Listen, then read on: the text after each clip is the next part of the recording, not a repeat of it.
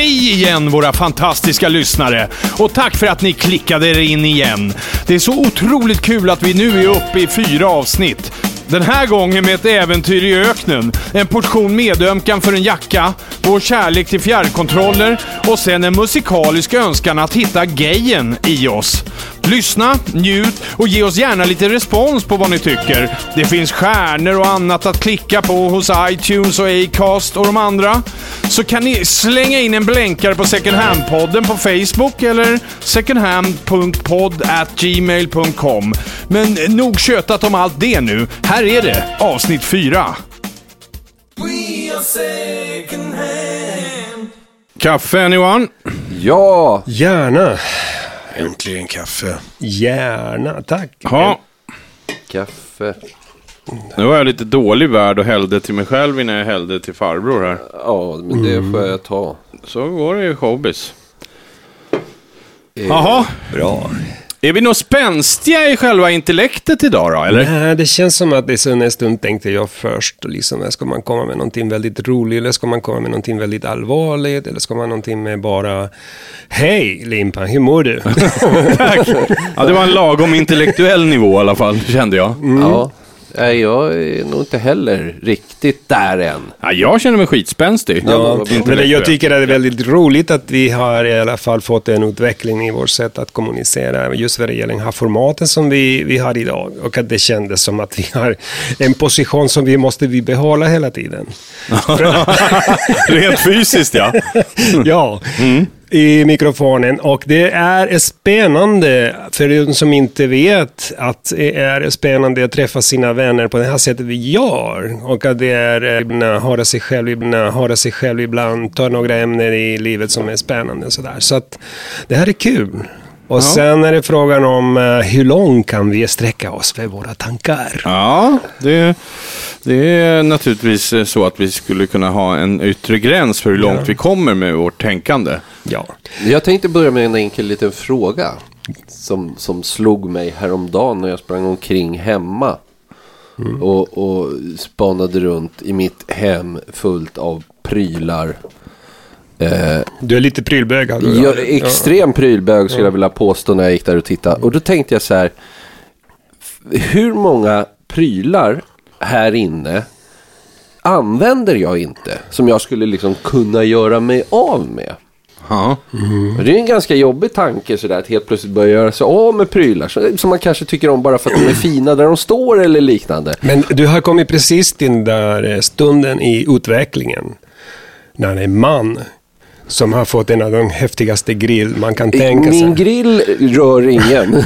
Jo, men det här är stunden när man står och man bekräftar sig som man och befriad från många saker. Så kommer man, de flesta kommer någonstans i livet till den där stunden som du upplevde nu. Alltså hur mycket grejer, hur mycket skit har jag egentligen runt omkring mig? Ja. Och hur mycket kunde jag göra något bra av det genom att bli av med dem? Ja, precis. Och då tänkte jag så här, hur mycket prylar har ni? Alltså prylar som står som, nej men det här, jag skulle egentligen kunna göra mig av med det, men de står kvar. Frågar du mig eller oss? Ja, men det, alltså, det finns ju Allihop. skillnad på prylar och prylar. Alltså, eh, som kar så, så har man ju en tendens att titta på tekniska prylar med en förkärlek.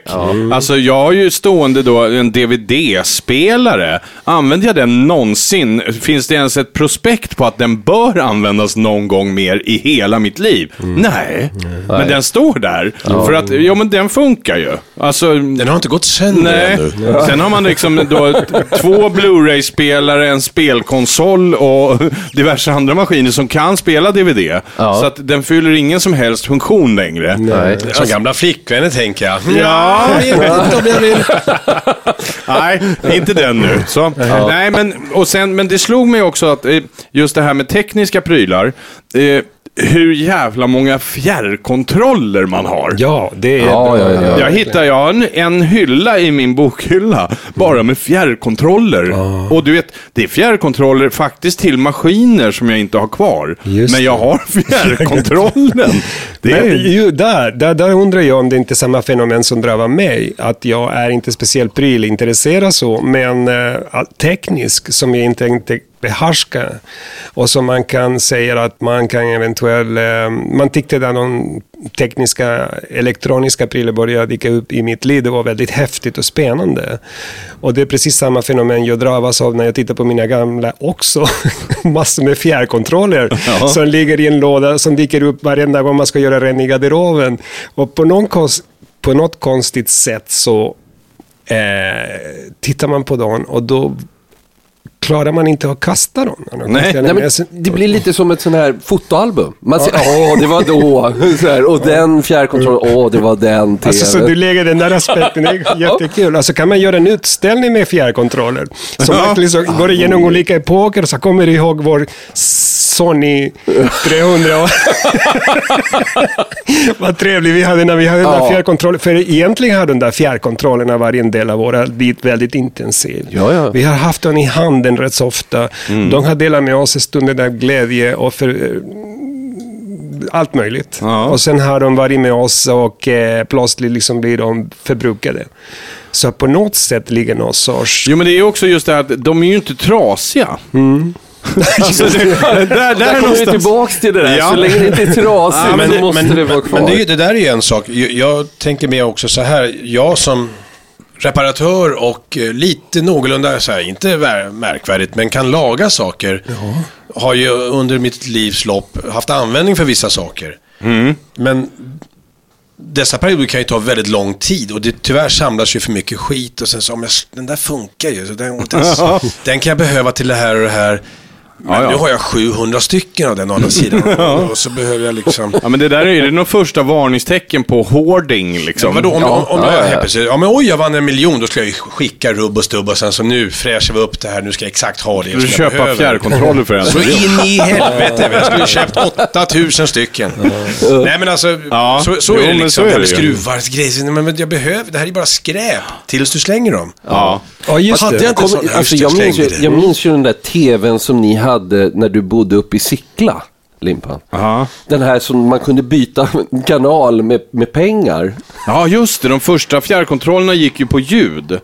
Alltså de gick det var på ultraljud infra, ja, ultraljud eller någonting istället för eh, infrarött. Alltså. Okej. Och då hade vi satt en 50-öring, vi hade ett soffbord som Mm. hade metallben och en liten metallplupp på bordsytan. Ja. Där den satt fast. Och släppte man en 50-öring på bordsytan, då bytte tvn kanal. Det var fantastiskt det alltså. var så Random förvisso, men... Ja, ja. ja men det, är- alltså, det blev ju så, så att man, den som, var man några som tittade TV, hade man inte fjärrkontrollen, då hade man alltid en 50-öring. Ja, Liksom. helt fantastiskt. Nej, Det är ja. vilken, vilken epok pratar du om? Ja. Vilken- Ja, det här är då, vad kan det vara, slutet av 80-tal va? Så det. Ja, det var, det måste det ha varit. 87 Ja, någonstans, någonstans Så du var tvungen att ha lite coins med dig varje gång man skulle titta på TV? En hel börs om man vill gå hela varvet. Helvete, Den går ett steg framåt Det varje var tur gång. att det inte fanns så många kanaler då. Nej, precis. Det var ju faktiskt inte det. Det var väl ettan, tvåan, typ trean, fyran Ja. som Ja. kom. Så att Ja. det var inte mer att bråka om liksom. Vad skulle jag säga? Det, det där är faktiskt en tanke också som jag har haft. Och det är ju eh, eh, eh, med historia, historien, så att säga. Att eh, med, med, med ju längre, eh, alltså, livet, eh, Tillbaks. tiden fortskrider. Jaha. Så jag tänker, tänk vad, vad mycket längre historielektionerna måste bli. Alltså för att täcka upp all historia. Ja, men redan nu skulle det ju behövts ganska rejält om man skulle täcka upp allt som har hänt hittills. Alltså, det, det är ju en fråga om ett urval. Man måste, ja, men man måste förkorta det ännu mer. Liksom Ja. att nej, men vi, vi, vi skippar medeltiden. Ah, ta, sk- skit i renässansen också. Mm. Jo, men Nu så är det väl på. alltid. Det blir ju olika summariskt. Alltså det som ligger närmast i tiden eh, bakom oss är ju det som vi ofta sätter störst relevans till. Men sen Ja. finns det ju några epoker genom eh, årtusendena som har stuckit ut lite mer naturligtvis. Ja, men för man undrar ju liksom, sitter alla fortfarande i skolorna och rabblar kungar som en annan fick göra liksom? Och, Det fick aldrig jag. Och vi är lika Du var den gamla. enda- Aldrig ja, så- att jag fick rabbla kungar. Som jag Som försökte. jag saknar att rabbla kungar, hörni. Fröken, skulle jag kunna få... Kan jag rabbla en stund? Är det okej? Alltså det är synd, det är faktiskt jättesynd att eh, ja, jag har glömt dem. Kungarna? Svenska kungarna. Jag kunde faktiskt dem en gång i tiden. Ja, de kommer ju inte ihåg oss. Det var någon gång när jag var uppe hos dig i Dalarna som vi pratade om det där. Att, Ja. att du var en Efter när vi hade felad- druckit två, två flaskor Rioja så sa jag till Bengt, sätt dig, du ska Ja, få höra. Nu ska jag rabbla alla kungar. Ja, som kommer från Lalala, Ja. eh, kan svenska kungarna. Ja. Jag, kunde, jag tycker det var intressant. Ja, men som intresse kan det ju vara någonting. Jag vet inte, som sagt, som Kimme sa, de kommer ju inte ihåg oss.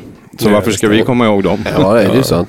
Nej, är radikal i sina bestämmelser. Ja, det är ju hysteriskt radikalt. Jo, jo. Ja. Ja, nej men... Eh, det tar ju oss osökt in på, på en sak. Är det någon som ska ha mer kaffe? Nej, jag har Ja, tack. Ja, jag häller så gärna. Mycket kaffe idag, hörni. Hörni, kan inte jag bara få ta en sak nu när vi ändå pratar historia? Eller liksom tillbaka sådär lite. Eller om vi pratar, nu tar vi oss själva vår egen historia. Och då är det ju sådär att, hör och häpna, Benke, den enda i gruppen här som inte kanske har varit någon sån här flitig musikaliskt, eh, eh, eh, ja, jag hållit på med musik har jag ju gjort, men, men inte lika mycket som er. Nej. Och, Det har vi märkt. då, då satt jag hemma igen, återigen, när jag sitter och tänker. Så satt jag och funderade på, alltså, eh, Sergio, du pratar ju ofta om olika, du, kan referera till olika musiker Mm. som liksom för en viss ålder för dig eller Mm. som representerar eller, och jag tror säkert både du, Limpan och Kimme liksom har kanske inte musiker eller låtar eller så vidare. Och då satt jag och funderade på vad, vad som är mina musikaliska referenser. Känns som att den där var ofullständig, den där meningen. Ja, nej, men, ja, det, ja, det var den säkert. Men, men, men liksom, nej men det... Tack. Ja. Nej, men det, det, vad, vad är mina liksom, tillbakablickar eller nej, hur, vad, vad var det som liksom triggade mig som barn musikaliskt? Så, ja, ni vet ju alla att jag lyssnade mycket på, på Frank Sinatra eh, och, och sådär. Och, och då satt jag helt plötsligt och funderade på Eh, eh, och det var inte bara Frank Sinatra utan det var mycket sådana här olika, Gene Kelly och Fred Astaire och alla de där. Jag tittade ju mycket på sådana här eh, liksom, musikalfilmer och sånt där. Ja. Eh, när, jag var barn, alltså den typen av Singin' in the Rain och sånt där. Klassikerna. Ja, och, och, då, då, och sen även då när det kom in musik, alltså annan popmusik och så vidare. Hur har jag, alltså hur man ser eller lyssnar på musik. Och för mig har ju alltid varit att jag placerar mig själv som artisten. Jaha. Förstår ni? Liksom att, har jag lyssnat på, vad heter han, Robbie Williams? Ja. ja. Eller William eller vad han heter. Robbie Williams heter han va? Ja. Så placerar jag mig som honom på Wembley Stadium med hela den här jättepubliken. Liksom. Ah. Att jag ser mig själv som artisten. Alltså jag, på no, så på något sätt så lyssnar jag ju inte riktigt på musiken utan det blir väldigt egotrippat. Men menar du att du går ut på balkongen och ställer dig Nej, nej, nej, utan jag sitter och lyssnar på musiken men jag Okej. visualiserar i huvudet på något sätt mig själv i situationen som artisten. Och det där jag ibland kan höra liksom när man lyssnar på andra som har referensramar till, till, till olika artister och de, det, det, det som har betytt så mycket för dem. Ja, men nu har man ju hört mycket om folk när det gäller Prince till exempel eftersom han dog och så vidare. Att de var starka. Och då pratar de om den låten som gav dem ba, ba, ba, ba. Jag har ju inte sådana referensramar för mig. har ju liksom inte låtarna i sig betytt så mycket mer än att det kanske är en, alltså jag ser ju framför mig det, det shownumret. Du har andra förnimmelser så att Ja, säga. ja, men för mig är shownumret hur jag skulle framföra den här låten som en show. Hur det skulle se ut rent visuellt på en scen. Det är där. Men det är inte främmande. Så gör jag hela tiden sedan jag var tre år och framåt. Det är så, Så jag är gör inte ensam Det är där. Jag jag, var gör när jag orolig. tänker mig. Men det är bara för att jag själv... Hur skulle jag göra, hur skulle jag göra liksom med musiken? Hur skulle jag liksom göra det här i si och så? Så det är mer en yrkesskada från min sida liksom. Att jag hamnar sådär liksom. Sen kan jag ju älska... Sen du var tre år. Ja, men lyssnar jag på Mozart, en, en fantastisk konsert, så helt plötsligt så, ja, så kommer det här partiet och då går jag in, det här är cello, ja just det. Hur sitter de? Hur gör de? Hur, vad är det här? Hur skulle jag... Jaha. Förstår du? Jag kan inte Ja, spela ja. cello liksom, men, Men, men eh, jag behöver inte vara artisten, jag behöver inte leka artisten. Det är inte så jag menar. Jag vet inte om det var det du menade. Det är ju det jag gör. Ja. Alltså det är ju inte Nej. lekte, men i huvudet. Ja, så nej, utan det är mest hur, hur jag skulle göra, vad skulle jag ha för förutsättningar där, vad, vad, vad är det jag hör och ser i det här läget liksom. Sådana grejer kan jag göra liksom. Men det är ju mest som sagt, Jag tror how det- would I do it myself? Exakt. Jag tror att det har väldigt mycket att göra med vilken relation man har till musiken i sig. Då. Ja, ja, men det, det Ja, men är det alla jag också har väl också sin egna relation. Alltså det kommer vi inte ifrån. Alltså, musik är ju, precis som andra känsloförnimmelser, alltså hur vi tar in konst och allting, är ju ytterst personligt. Ja, visst är det. Så är det. Sen att vi har en tendens att vilja likrikta det genom att ha poplistor och, och bästsäljare och att eh, och det finns en likriktning i att man ska tycka som, ja nu borde alla gilla Adele, annars kan ni dra åt helvete. Eller ja, nu har jag inget emot Adele, alltså, det, det, ska det ska jag inte säga. Men, nej, men det finns ju där att, att vi, ska, vi stöps lite, men samtidigt så går vi ändå där med vår egen uppfattning ganska klar för oss. Men, Eye of the beholder. Ja. Jag skulle bara vilja lite kort återkoppla till musik. Ja. eh, nej, men det var bara en sån här grej som, som hände när jag satt och körde bil. Jag skulle köra iväg och eh, jag hade bilen med mig till jobbet. Och så skulle jag åka iväg och eh, hämta en grej. Och hittade inte riktigt sådär jättebra dit jag skulle. Och hade väl inte, orkade inte ens knappa in via GPSen på telefonen och sådär. Och sitter du och lyssnar på radio eller musik eller vad det var. Och så, kör jag, och så känner jag att jag börjar komma lite vilse. Hur känns det när man kommer Ja, men alltså, du vet, man, så här, man vet inte riktigt, vänta nu, vad, vad, vad, vad är jag, vad, är jag rätt? Sådär, och Ah. åker där på någon gata. Och upptäcker då att jag skruvar ner ljudet. Ja. Alltså att det blir en automatisk handling att, hmm, nu vet jag inte riktigt vad jag är. Då måste jag sänka ljudet. och så tänkte jag så här, är det bara jag som gör så? Men sen kom jag att tänka på, jag har, jag har faktiskt varit med om vid flera tillfällen, liksom, där man har varit, det är inte bara varit jag som kör. Att liksom, nej men nu, fan, sänk ljudet. Jo, men det är bara för att man pratar då kanske med andra. Ja, Sitter jo, men själv- nu satt jag själv liksom. Men det är ungefär som att då gick det inte att tänka. Alltså, när ljudet är på, då kan jag inte tänka på hur, hur fan jag tar mig till den här platsen. liksom. Förbannat bra låt, men vad fan är någonstans? Nej, det här går inte. Men jag gjorde, jag gjorde just det vi pratade om det här med, med eh, när musiken har förändrat ens liv eller sådär. Mm. Men jag har några sådana här minnen av alltså den första vet du, det, det, pirrande, vi pratade om det förut, det här med kärlek och, Mm. eh, och jag kommer ihåg några gånger när, när, alltså det var inte ens min musiksmak, men jag kommer ihåg när vi någon gång hamnade ute i Åkersberga i början där när vi hade en liten session och hängde där. När vi var på världens minsta diskotek. Ja. Den där äh, frestelsen. Ja, just det. Det var typ en pizzeria som hade ett dansgolv så man kunde slå ihjäl eh, pizzabagaren om man viftade till på dansgolvet. Så smått var det. Och där de körde den här Alphaville-låten. Precis när jag mötte någon brud där och vi började dansa. Nu kommer jag inte ens ihåg. eh, Ja, hon, hon som du... Ja, någon upp tjej där. Ja. Så- Kanalen 2 var det. Jag vet inte. Forever två Young eller Big. Japan. Forever Young var det, för det var en tryckare. han sjunger så surt. Ja, ja, ja. Det, ja men, men det var ju irrelevant. Men låten i sig liksom fastnade för att den, den var, då kopplad till andra intryck. Ja, Liksom. men då blir det en förnimmelse Ja, verkligen. precis. Då satt det ihop på ett sätt som var... Jo, men, alltså, ja, men visst, där finns ju många olika. Det finns ju både filmer och, och, Ja, det och annat. Som Man har ju blir- fantastiska minnen av, jag hatar den här låten, men gud vad jag mår bra när jag hör skiten. Alltså, Ja, det, ja. Ja. Jag tänker på det här och det här och så Ja, men det är ganska intressant hur, där kopplar man ihop alla sinnen på något vis och lägger dem i en hög och så, ja, ur det kom det faktiskt en positiv känsla. Alltså, men så så, ju. så spelar det, det, är, det är väl samma sak med dofter Jag tänkte ju säga det, lukt, alltså Ja. dofter, allting sånt där. Där kan man ju ha hur många, jag vet inte hur många gånger nu, om jag nu ställer mig och gör köttbullar, så tänker jag alltid på min mormor. Det, så är det. Och gör jag det med Stuvade makaroner. stuvade makaroner, då är det kört. Nej men tjenare Harry! Vilken jazziga blad du har fått! Kan du förstå? Jag har använt jazziga blad på 15 dagar och fått så här jazziga blad på bara 15 dagar! Ja, har verkligen fått jazziga blad! Ja, och på bara 15 dagar! Till och med primitiva människor kan få jazziga blan på 15 dagar med jazziga blan på 15 dagar. Är du primitiv kan även du få jazziga blan på bara 15 dagar med jazziga blan på 15 dagar. Jazziga blan på 15 dagar med jazziga blan på 15 dagar. Smälta in saker och ting angående mat så kommer jag att tänka på någonting som händer en gång i mitt liv. Som eh, utvecklar sig vidare till någonting annat. Som var eh, oväntat för mig faktiskt. Och eh, när jag tänker tillbaka på det jag berättar nu så är jag 18 år. Och jag har uniform på mig.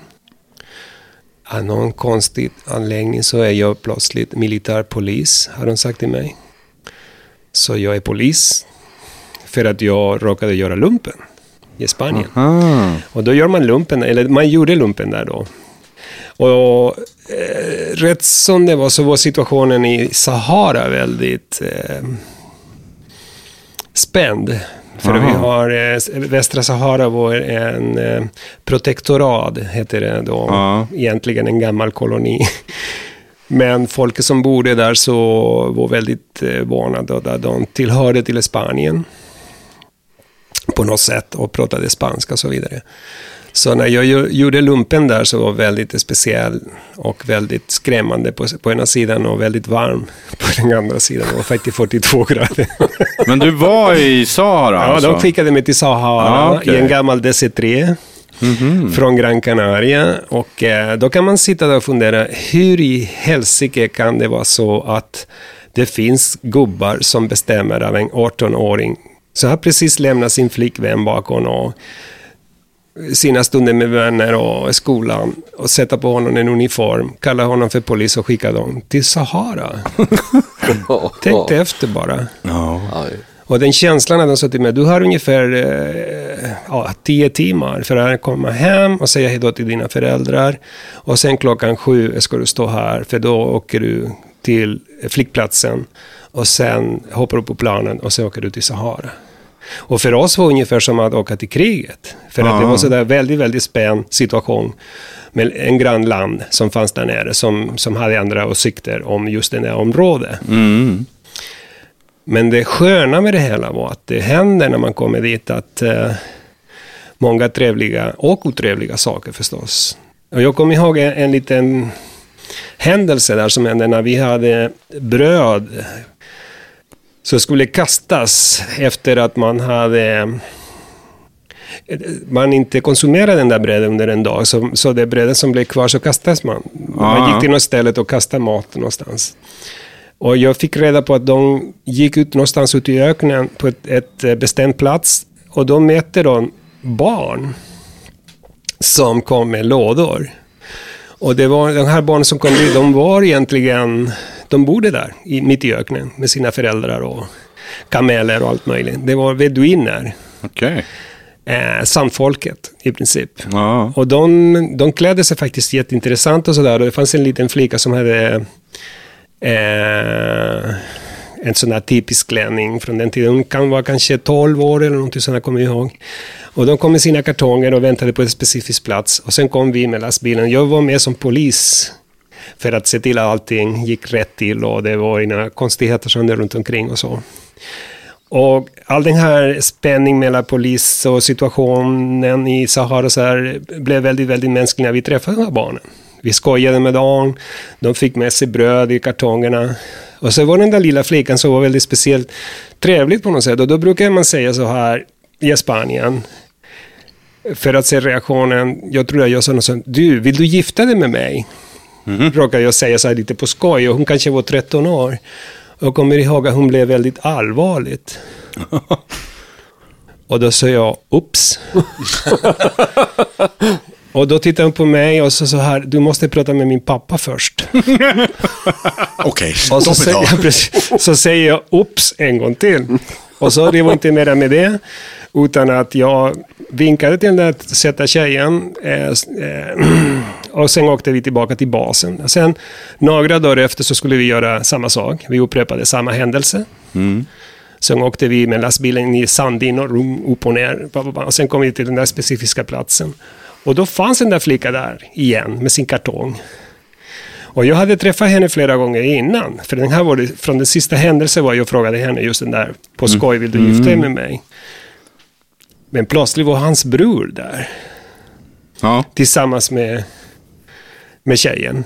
Och bror, brorsan var kanske 18, 20. En ståtligt lång man från Sahara.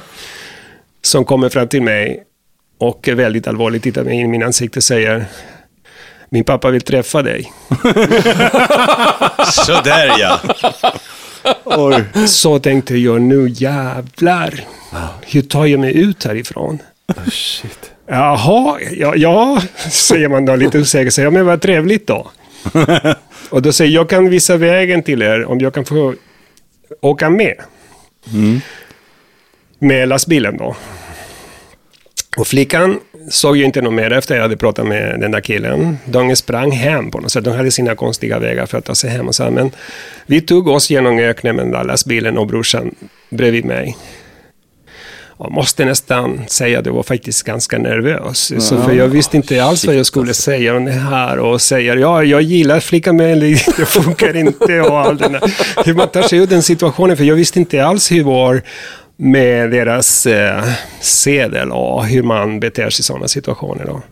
Så jag kom fram till den där tälten mitt i öknen och det var lite korrigerad plåt. Det fanns lite getter utanför, det fanns eh, några kameler och lite så här duckar som såg ut som segelduckar. Det var lite så här rörigt, lite spännande. Och fattigt då förstås. Men jag klev ner från bilen och brorsan försvann och pekade på tälten där borta någonstans. Så jag gick dit tillsammans med chauffören. Och så klev vi in i den där tälten och till min förvåning var faktiskt så att det var faktiskt jättefint där inne. De hade typ turkiska maten på golvet och lite kuddar och lite trevligt och sådär. Ah, så klev vi in där och så kommer eh, frun i huset och säger till mig på spanska, sitt ner. Jaha, tack. Och sitter man där och så, så, så kliver man på golvet och sätter sig på en kudde. Och det är några minuter som går och man börjar bli lite kallsvettigt. Man funderar fortfarande, var, var har jag hamnat någonstans? Och försöker liksom se om den där flickan fanns någonstans i närheten, men det finns inte. Och jag sitter där med min kompis, chauffören, och vi väntar på att det skulle hända någonting. Sen rätt som det så kommer eh, frun i huset med en bricka och lite små glas och en ganska stor tekanna. De dricker te då, så de hade, de hade bjudit mig att dricka te i princip. Så vi sitter där och väntar. Sen kommer plötsligt genom den där öppningen ute i öknen så kommer pappa. Och det var en ståtligt eh, arab med blå och svarta kläder och väldigt täckt över. Man undrar, de har väldigt mycket kläder fast det är 40 graders varmt och det, det visar sig att det hjälper. Inte mig, men dem. Och rätt som det så kommer han in och då säger han till mig, jag hoppas att alla ger er många barn. Och så tänkte jag, nu är det kört. Ja, ska du ligga? Nu ska jag... Och så plötsligt står jag där och jag, eh, det är inte jag som ska ta den där frågan om flickan i alla fall, tänkte jag först då. Utan är den här på allvar? Alltså, drömmer jag den här? Eller är det, alltså, herregud, Tusen och natt. Ja, tusen natt. Så står vi där och sen börjar han prata om eh, deras situation med politisk och, och eh, social och vad svårt det var för dem att få mat. Och den där bröd, bröden som vi kastade, eller gav till barnen, det behövde de för sina djur helt enkelt. Så de blandade med vatten och gav liksom. Och då såg han att han hade eh, tänkt på att eh, tacka mig för att eh, vi var så snälla mot dem. Och att vi kunde ge bröd när barnen gick och hämtade den. Och så tänkte jag, nu kommer frågan om flickan. Men det gjorde han aldrig. Okej. Så vi drack den Och det var sån release. Nej, men sen så, jag menar, det finns väl många människor som undrar hur, hur Benke Karlsson kan, kan liksom sitta här med fyra vänner. Ja, det kan man undra. Ja, Det är bara tre vänner i och för sig. Ja, just det, fyra. Nej, jag ser mig själv som en bra vän. Ja. Jag är faktiskt min bästa kompis, det är jag. Det är bästa garanti man kan ha. Ja, men det är brukar- nästan aldrig jag säger emot mig. Ja, det är eh, en attitydfråga liksom, om man inte ska lyckas med den saken. Sen kan man undra över varför man inte passar alla andra människor. Man tycker själv att man är så jättebra som person på många Ja. sätt och försöker sin bästa. Men ibland visar det sig att nej, den gillar inte mig. Eller jag gillar inte den. Nej, men det blir så knepigt. Alltså, Ja, vad, vad, hur, hur kan du inte gilla mig? Va, eller Va? hur? Har vi en sån känsla som vi tycker vi är så jävla bra som alla måste tycka om mig? Eller vet vi att vi kanske inte är omtyckta i vissa kretsar?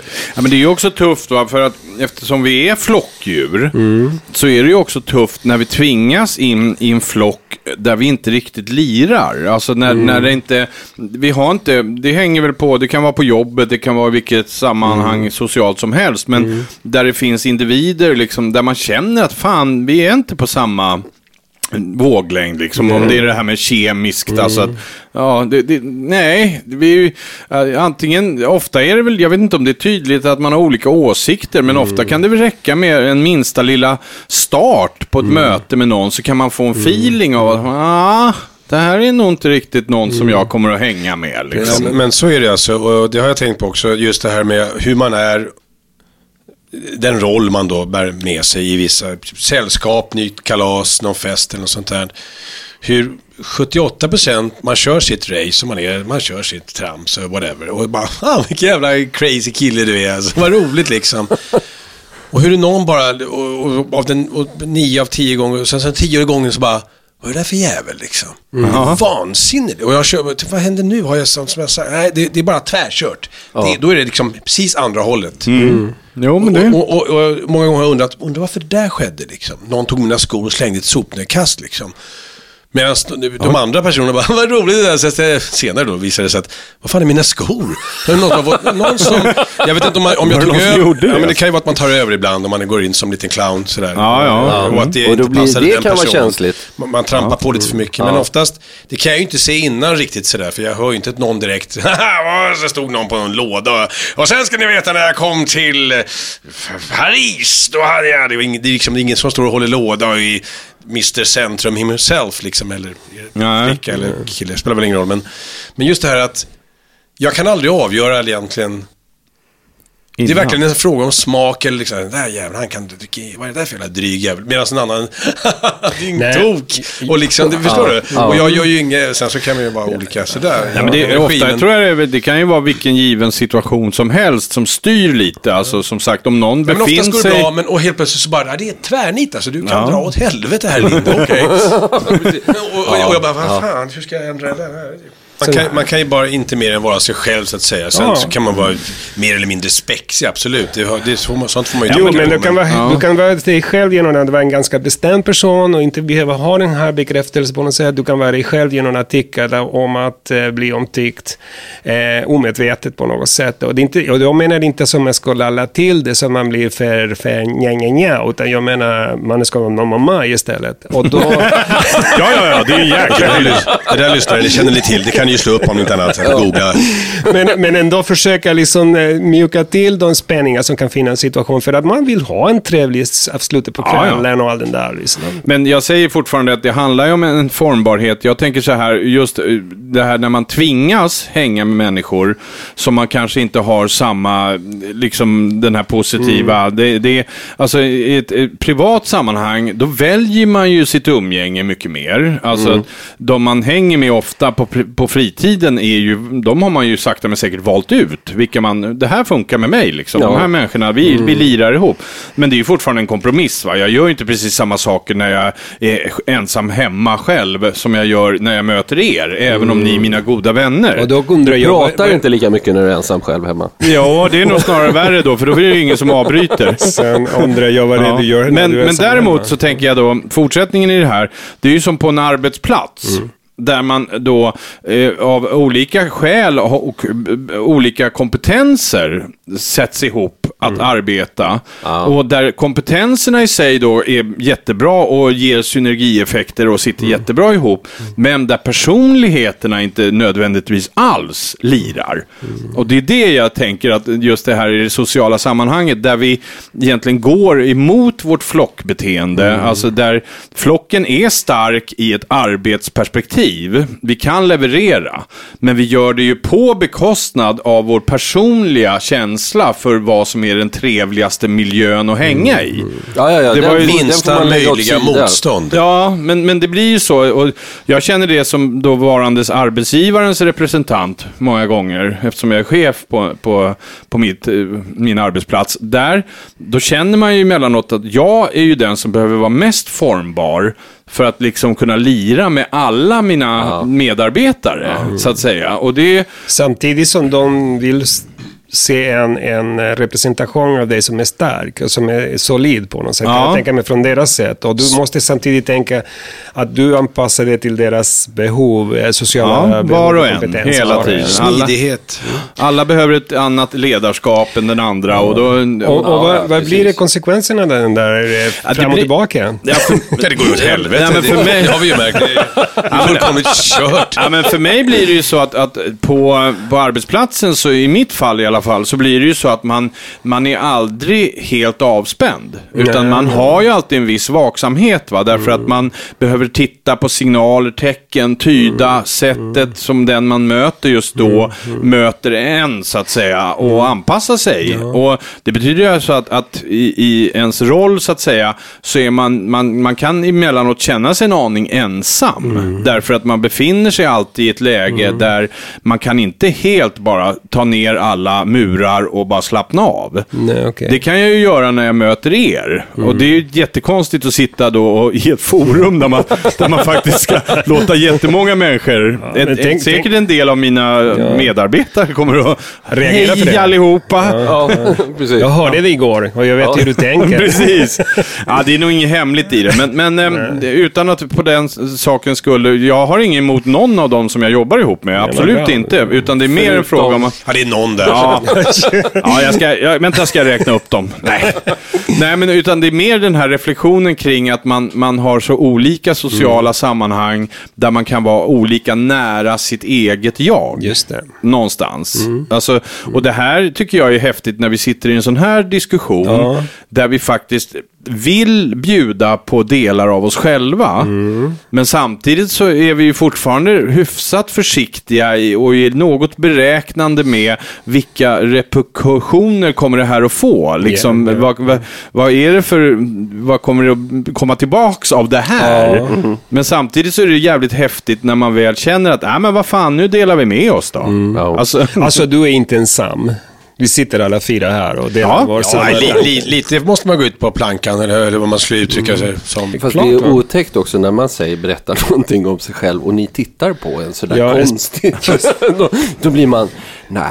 men på dig Bengt tittar jag nästan alltid konstigt. Ja, okej. Ja, för, för, jag hade något där i sammanhanget som är kanske lite konstigt. Jag bara tänkte som en sån här, bara då en fråga. Att idag när, innan, när jag skulle åka hit så, så eh, skulle jag bara klä på mig, vilket man självklart gör. Mm, Det är social kutym faktiskt. Ja, att man klär på. och- Känner du och- konstigt att komma hit naken? Nej alltså? det, var, nej, det var inte det. Utan då, då helt plötsligt så såg jag en jacka Mhm. som inte jag hade använt på väldigt länge. Och då kände jag en känsla av att jag tyckte synd om den här jackan. Mm. Så att, då, då satte jag på mig den. Så jag tänkte den skulle få ut och komma ut en sväng. Ja. Eh, är, är jag ensam om att tänka så? Jo, Liksom absolut inte. Absolut inte. Jag, jag kallar det för mekanisk empati. Det, vad härligt. Titta, det finns till och med ett begrepp. Det fanns ett begrepp på det. Gud vad skönt. Nej men för det, det där har hänt mig några gånger. Att jag Jo, ser ja. liksom ett klädesplagg och så tänker jag, du din stackare, jag har ju inte fått vara med på dag. Ja, alltså det kopplas till, till att eh, någon filosofi, livsfilosofi eller tankesätt som säger att allt har en själ. Och Ja, Eh, det finns olika känslighetsgrader för att kunna nå den nivån. Och du är en av de utvalda. Jag tänker aldrig så, det måste jag erkänna.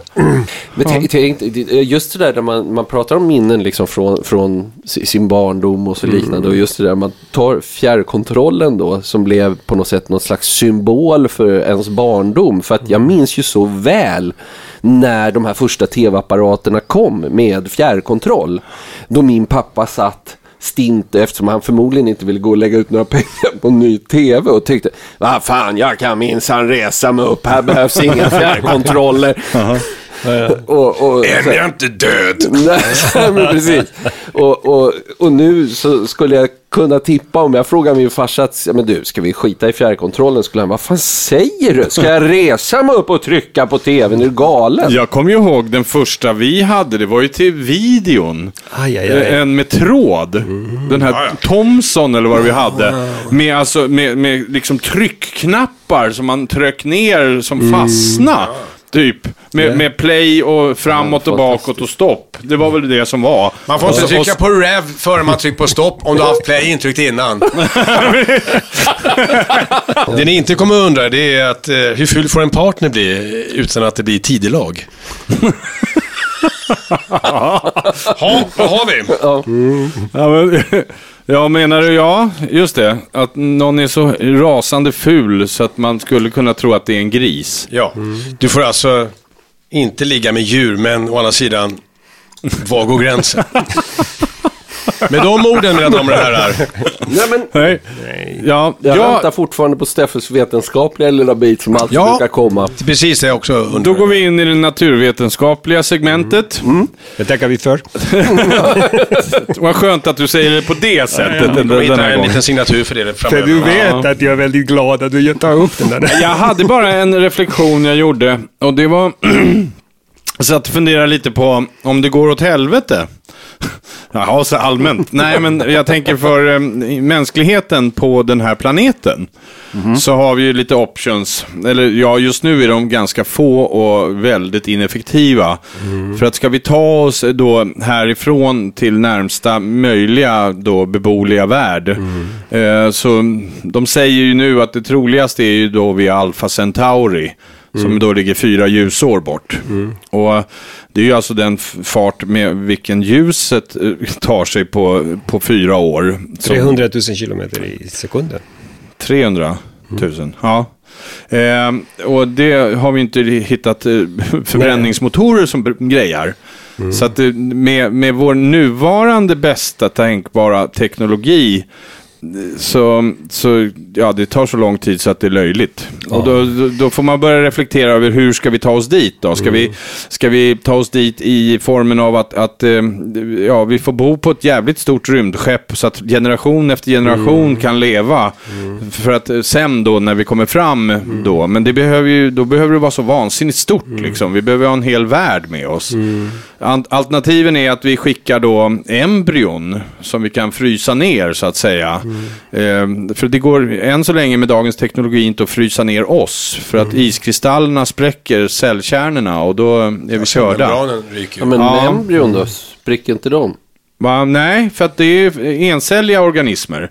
Alltså om du har ett, precis ett befruktat ägg till exempel. Ja. Så är det ju bara en cell. Och det Alright. kan man liksom, vi fryser ju spermier och sånt idag. Ja. För att sen kunna använda för befruktning. Ja, att, men då är nästa steg, då får de ha med sig då robotar som ska lära dem att vara människa. Mm. När de sen då föds. Och dit har vi kanske inte kommit heller där vi kan... Stiff people liksom. Ja, det är en bra... Ja, nej, men visst. Det är en bra reflektion kring det. Nej, men, och då är alternativen då några... Dels om vi då kommer på hur vi ska skapa fusionsmotorer, som är nästa steg naturligt. Eh, där vi då i princip kan ha en jättebra energikälla ombord för att eh, ta oss långt. Men även då, med, med den bästa av de motorerna de teoretiskt har räknat på, så skulle det ta oss 70 000 år att ta oss till Alpha Centauri. Solsegel då har de Ja, solsegel har de tittat på och då, då, det har ju andra problem så att säga.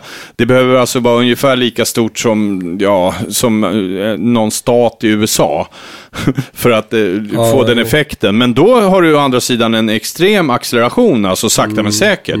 Och då kunde vi ta oss till Alpha Centauri bara på tusen år.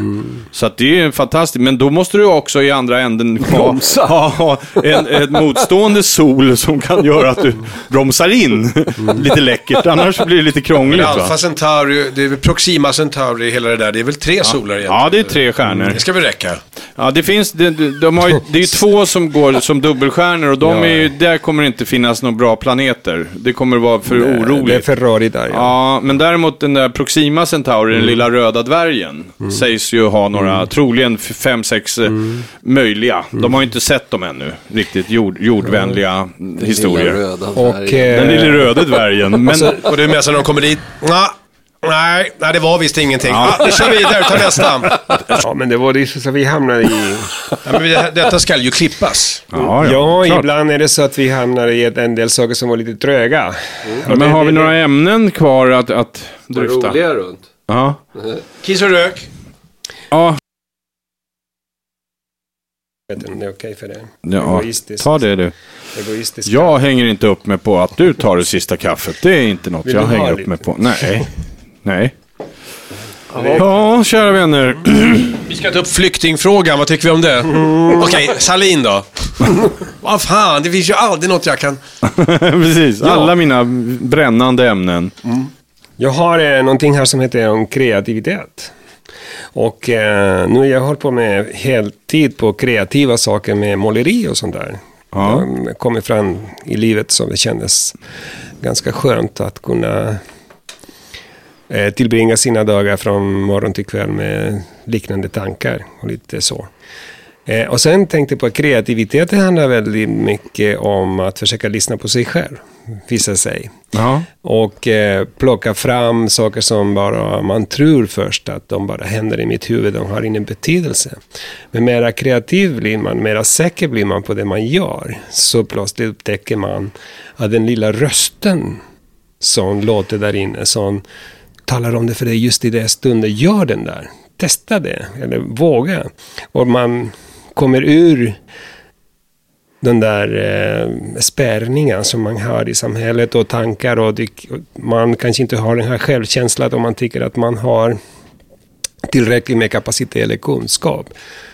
För att det finns andra som gör saker ännu bättre än mig. Ja. Eh, gör att man kanske backar lite grann. Eller kanske eventuellt att eh, allt är redan uppfunnit och så. Utan det här handlar hela tiden om att försöka hitta sin lilla sin lilla egen väg kan man säga. Och då upptäckte jag nyligen att det är väldigt befriande att känna att man har en kontakt med sin egen kreativitet som har växt fram genom att man jobbar ett tag på, på att försöka upptäcka den och försöka ha någon sorts konfidens Ja. med sig själv. Och det är en väldigt skön känsla. Ja. Det där, det där är, är, är ja, alltså när man kommer upp i, i åren så märker man att man har, har, skapar sig mycket mer sådana här referenser av att nej, fan, det, jag är inte riktigt bra. Det, det här, nej, alltså att man skapar så jäkla många spärrar liksom. Att, och det måste vara Ibland kan, det ibland kan det stämma. Ja men alltså jag tycker jag, jag, tycker jag har satt extremt mycket fler spärrar. Jag, alltså, man bara tar till sig själv när man var runt 20-25 år. Så då kunde man liksom inte, då tänkte man ju inte ens tanken att det man gjorde inte var bra. Liksom det, utan då var det bara, ja nej men nu kör vi, woho! Och sen så var det liksom, Självförtroende. Ja, men sen så när man blir äldre så helt plötsligt så... Nja, det, nja. Mm. Och då Alltså- måste det vara jävligt skönt att kliva tillbaka, alltså nästan kliva tillbaka till att bli 20 på det sättet igen. Att Alltså, inte men- behöva bry sig om Det, det. där, jag uppfattar det du vill säga, att under 20 år så har man, man saknar den perspektiven. Alltså då är det så att man är som en energy som man har i, i, i den energi tar över och då vågar man göra saker. Ibland visar det sig att de sakerna man kom på under den åldern så är riktigt bra, någon konstig anläggning eller på grund av att det är så det är. Liksom när man är befriad och, och har mycket energy i sig så, så gör man det. Är man äldre så börjar man fundera lite grann på konsekvenserna till allt man gör och inte gör och kanske eventuellt att man har testat vissa saker som inte funkar och då får man den den spärrning som, som du pratade om och säger ja, ja, den där är inte för mig och så vidare. Och det är, en, det är rätt perspektiv till, till mycket i livet. Men samtidigt, om man jobbar med kreativa saker, det är dit jag ville komma, liksom när man kräver att du själv ska skapa någonting, oberoende vilket område det handlar om, det handlar lite mer om intresser och sådär, är att, att man måste utveckla den där confidence om man lyssnar på sig själv och känner, om du vill på något sätt vara, vara, vara intressant. Alltså att man kan måla som andra gör och försöka liksom kopiera en viss stil för att den är gångbar och så vidare. Och det är en fascinerande process i sig. Men det är ännu mer fascinerande process är den här är jag. Och sen kan de andra tycka om, om det är sämre eller bättre eller hit och dit. Men man plötsligt kommer till den här, den här så, har, må- så, så, så tolkar jag liksom min konst. Sen därefter kan man utveckla sin konst i någonting annat. Men, Ja. men jag, jag, bara, Mm, så, nej, jag, men- jag vill dela den där glädjen med er. Liksom Ja, jag, jag, jag hade till exempel många ögonblick i början, sen jag blev konstnär, att börja alltså fråga mig, frågade mig själv, var är jag någonstans som konstnär? Vad, kan jag vara bra i, i relation till andra konstnärer som var redan etablerade och så jag beundrade på något sätt. Ja. Och, som ni vet så målar jag akvarell då och det är en, en ganska svår teknik. Fram till att man kommer till att eh, Eh, jag, det slutade för mig att jag, ja, jag vill inte gå längre och titta på utställningar. Nej. Taskigt nog, från andra konstnärer. För jag hade sett för mycket av de här sakerna som hade hänt och jag fascinerade att, att deras dynamik i form hur de kunde fånga motiver och all den här. Och det var en fascinerande resa. Ja. Tills att jag kom fram till att eh, den resan måste jag göra själv. Ja. Och, och då började jag under en lång period inte ville bli påverkad av, av vad de andra gjorde. Utan försökte hitta min egen väg. Ja, på den vägen det. är den. Så det är bara en kul grej att... att Ja, nej men, nej, men det där låter ju, alltså ju, just det här att, att, att våga släppa, för det, det är ju precis det man gör. Man Ja. binder ju upp sig till att, och våga släppa det här med att, att liksom försöka tillrättalägga någonting för att det ska passa den Ja. stora breda massan eller för att jag, ska, jag vill göra, alltså man vill efterlikna någon som man tycker är väldigt bra eller något liknande. men att bara släppa det och bara köra sitt race. Det är ju, och det är ju nästan A och O för att det ska bli bra. Sen kan det hända att de som tittar på det jag gör kan säga att jag kan jämföra med någon annan. Men jag säger, för mig är det en confidence som jag har fått, att jag, det, det här är det så jag målar. Och då räcker långt. Alltså, för det är som ett uppvaknande till någonting. Och, och, och, och det är kul när det händer faktiskt. Och sen ger det liksom lite energy för att gå vidare med sökande inom konst. Men jag tänker just på, på det du säger här Benke, just det här med när man skapar spärrar och sådär. Mm. Det handlar ju lite också om med åren på något vis jantelagen. Lite att, att eh, här ska inte jag komma och tro att jag är något. Alltså, Ja, ja, ja. lite, Visst, lite grann så att man, man eh, skjuter ner sig själv lite på vägen. Ja, men det är så jävla idiotiskt. Ja, jo men ändå liksom. finns det ju där. Jag menar, det, det är lite en känsla av att ja, det där känns ju fan lite originellt det här jag tänker nu här. Alltså kan man... eh, Nej, inte ska väl jag. Ja, nej, nej. Det kommer Men lite... Ribban höjs ju både på gott och ont så att säga. Ja, så jo. Är det ju, du, vet man ju om man vill göra något, hitta på någon fantastisk symfoni eller något sånt där. Liksom. Ja, de 900 första var ju bara skit. Okej, då får jag på något vis eh, rycka upp mig här och göra något annat liksom. På samma gång som man kan glömma det man egentligen började för och varför. Och det, Jo men det är det precis att man, man, eh, man, man ser inte sin egen kreativitet för att man bygger massor av murar Ja, runt precis. den och gör sig själv väldigt kringgärdad. Att ja, ska du nu leverera något då måste det fan vara totalt unikt, genialt och allting på en gång. Annars kan du skita i det. Eller hur? Det, ska, det ska vara det är unikt, det man måste det ska ur. vara genialt och det ska framförallt vara också sånt som den breda massan gillar. för att det ska precis. sälja bra också. Mm. Det Grattis. Ja, precis. det, det, det är säkert som Kimi säger också, det finns, rivan varierar och, och, höjs hela tiden i relation till sin egen, eh, hur man förhåller sig till det man gör. Ja. För att det kommer många spökar som när man säger så här, okej jag har, I'm not safe, jag måste göra den här för den här är det jag ska leva på. Ja. Och den här ska liksom ha, vara gångbar. Och det, naturligtvis så kommer upp alla de här spökarna först. Massan, vad vill massa köpa? Och då, Ja. då, då har man första kompromisset, hur ska jag jobba? Ska jag jobba så det passar alla och så säljer jag så mycket som möjligt? Eh, sen kommer man tveksamheter och vilken stil blir gällande, vilken är gångbara. Så säger man att plötsligt, jag målar inte den där gångbara för jag tycker att den här är kul så. Och man upptäcker sina egna värderingar runt omkring sitt eget jobb. Har man tur så, så plötsligt det man gör, och när det är mest crazy, så plötsligt får man respons. Och då, Ja. märk, då kommer man i kontakt med den här underbara känslan på Hey, I'm connected. De, de, det kan vara där ute, de gillar det jag gör. Och sen är det väldigt viktigt, någonstans händer det om man har valt en väg. För jag går vidare på det, men jag skulle kunna säga, det är lätt att säga, att jag hamnar i det här läget så, så har det varit många sömnlösa timmar, ska, ska ni tro. Liksom. Så, men, men samtidigt, för alla har en möjlighet kanske, vad jag ville skicka iväg till alla som lyssnar är att det finns en liten jävel där inne som är sig själv och, och, och den ska man lyssna på lite mer än vad man kanske gör. Och absolut, om det går, inte ta den attityden, ah, inte kan jag. Har du någon intresse på någonting, Eh, om du lyssnar på den rösten så kan du bli faktiskt ganska unik. Till exempel, du kan bli jävligt bra på att grilla. Ja. Till exempel. Jag är expert. jag kan gri- jo, jag grillar Du är falukorv. en novis. Jag grillar... Ja, släng fram något så grillar jag det. Vad heter det? Nej, men jag, då, då tar jag som den kände poeten Nike. Just do it. Mm, just do it, ja. Exakt. Nu hade jag önskat att vi hade varit sponsrade, eller hur? Det hade ju varit rätt stort där. Ja, den hade varit Det bara sagt till Nike, eh, cash, cash av här nu. Så om ni lyssnar så. Ja, just det. Nacki. Sätt in fyra frimärken på vårt konto. Varför då? Nej, men, eh, Jag tänkte på det du sa Sergio, just det här med att när man väl upptäcker, även fast man är äldre, att, ja men vänta nu, nu fick jag till en liten grej. Och det verkar vara uppskattat eller någonting, hur det öppnar ett flöde också. Och hur lätt det flödet kommer liksom. Då kan ju, då kan de här 35 åren bakom en helt plötsligt bara komma liksom. Ja, ja, men då var jag inte så fel ute, jag måste bara styra det så här liksom. Så Ja, känner jag ja. liksom att, att är jag helt useless? Eller nej men det kanske, ja men titta där, där har jag. Och det har jag, det, det är så jag alltid har sagt. Eller någonting.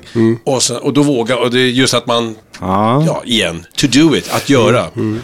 Jo, men det är väl alltid så. Alltså, det är klart man kan låta den här lilla rackaren i en eh, vara den som får styra. Men samtidigt är vi ju, vi återkommer ju gärna till det då, eller vi, jag heter jag. eller det är dig. Men det är konstigt för jag heter också jag. heter vi samma sak? Ja, det där var otippat. Nej, men just att, att man återkommer, eller jag, förlåt, eh, återkommer till att vi är ju flockdjur och vi behöver ju bekräftelse. Även om man låter den kreativa lille fan hålla på, så är det ju jävligt mycket mer värt när någon annan också säger ja, vad trevligt. Alltså, Ja, ja, ja, det, det lyfter Ja. ju hela, hela proceduren. Men kan man, kan man ändå liksom under själva, själva eh, tillverkandets gång Ja. släppa det behovet, alltså släppa Ja, precis. vikten av eh, eh, eh, att, att folk tycker att det här är bra och sådär. Utan Och att inte bli bromsad. jag blir bromsad av att nu måste jag tillrättalägga det här för att de måste tycka om det här jag gör. Utan att jag bara hänger mig till det jag gör och låter det vara själva flödet. Det är ju då det måste bli jäkligt ma- Då blir det ju ännu mer magiskt när folk sen står och bara Woohoo! Bravo! Alltså, vad, vad alla jag, går upp i falsett. Ja, ja, Vad ja. jag har upptäckt inom det jag gör så är det att eh, mer okonventionell jag blir, mest intressant blir för, för betraktaren. Dock finns det fortfarande en del av de som tittar på mina grejer och köper dem, att det är, de vill ha den där konventionella, som jag faktiskt, tack och lov, har ingenting emot att göra. För jag njuter lika mycket om att måla fortfarande lite träd och lite hus och lite vatten och sånt där när jag sitter ute, med, ute i naturen. Precis. Tack för den vinkeln. Förlåt, jag. Men sen måste jag ju säga så här, är, in, inte bara för att du är min vän och för att vi, vi så här sitter här och poddar ihop och allt sånt där, så önskar jag ju verkligen att du ska bli riktigt, riktigt stor med tanke på att jag har ju faktiskt en tavla av dig som hänger hemma på min vägg. So I'm waiting. Ja, jag bara sitter här och bara väntar på att Nej, vi får se. Det är en lång stegra. väg och den är osäker och man eh, undrar ibland när man tittar sig i spegeln liksom på morgonen, säger man vad fan håller jag på med? Samtidigt säger en annan dag, jag går för it, som du sa förut. Och det, är- det är en fantastiskt eh, kul grej eftersom jag måste leva med osäkerheter som allting här skapar inom, inom, inom, ingen vet vad som ska hända imorgon, jag har inga, inga linnor, utan man kör, men samtidigt finns det, när man har tagit de stegen ut och, och bryter den där gränsen, så finns det flash i livet som gör plötsligt att man känner sig väldigt fri och sådär. Så jag måste leva med båda och. Osäkerhetsgrader, mardrömmar och stor eufori och glädje under vissa stunder. Liksom, små i, mi- i mitt fall, för jag, jag har precis börjat med det här. Men, de, Men, de, men, men vilket är kreativt? För att vi, vi, vi säger, ja det är stressande, det kan vara sådär, åh duger jag verkligen till och så. Men tänk att vara åt andra hållet då? Mm. Ja, det är lugnt, jag kan det här, jag behöver inte hålla på och bry mig så mycket längre. Jag vet att jag säljer eller vad man nu håller på med och gör det här. Hur man också tappar ny, nytänkande, kanske ny framfart eller vad, whatever, utvecklingen av det hela. det är ungefär Ja, som... det finns ju alltid en risk. Det är ju alltid en balansgång. Ja, det- att, att, att liksom, att hela tiden vara på tårna så att säga i det man gör. Mm. Alltså att det finns ju alltid en risk att man blir bekväm. Och det har man ju upptäckt både här och där. Nu behöver man inte nämna namn på folk Nej, liksom, som jobbar med olika grejer. Jag tror bara liksom bara... Ja, det är precis. Att man, ja, men det är ju liksom. vi som gör, eller det är jag som gör det här, alltså är det bra. Det är Ja, liksom, Och då, då har man ju också losa.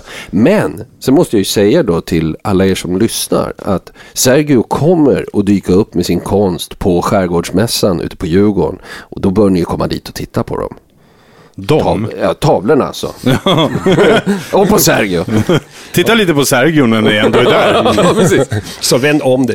Jo tack eh, Ben för den. Eh, Jag hoppas att det är trevligt om ni kommer och tittar den. eh, Vi kommer, vi kommer sitta där och, och, och snacka med alla. väl i catering som vanligt, men vad fan. Vad heter det? mm, Vad tänkte jag på? Mm, Intressant. Tack. Spännande. Ja. Kul. Jag drar. Hej. Ja, det var väl trevligt att eh, dela stunden med er, mina kära vänner. Tack detsamma. Tack Detsamma, detsamma. Ännu en gång har man fått med sig någonting tror jag. Eller? Jag Ja, tror det. Eh, Nästa gång så vet vi inte riktigt vad vi ska prata om, men det kommer alltid bli något nytt spännande och lite kontroversiellt. Kanske, eller inte. jo, mer kontroversiellt än... Vi stannar där. Jag vill inte direkt gå för långt. Vi har det som en liten cliffhanger. Hej då! Hej då! Hej då! Adios! Hej då! Hej då! Adios! Och så tar vi ytterligare en. Och så den sista! Ett, två, tre! Every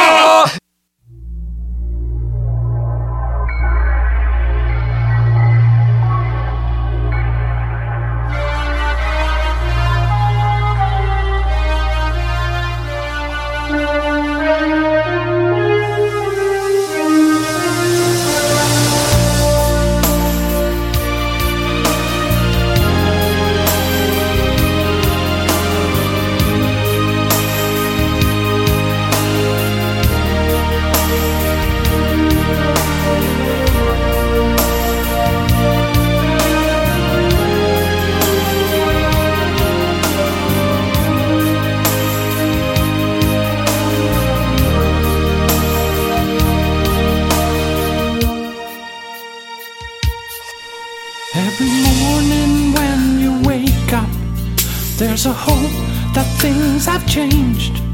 But as you look into the mirror, you're still grey, slightly deranged. You're so colorless, not a feeling to express. What you are, no one can guess. Dead outside, inside a mess. Why don't you find a way? Cause you need to be gay. Where is that love?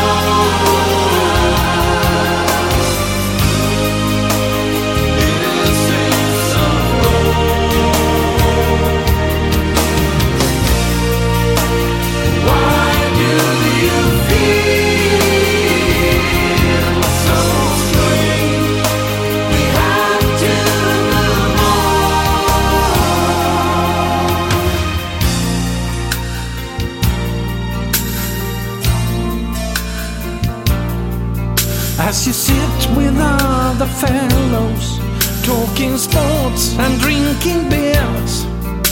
Your mind's not in it, you're dreaming of cabarets and dancing queers. You don't get the Eurovision, you can't match your clothes anyway.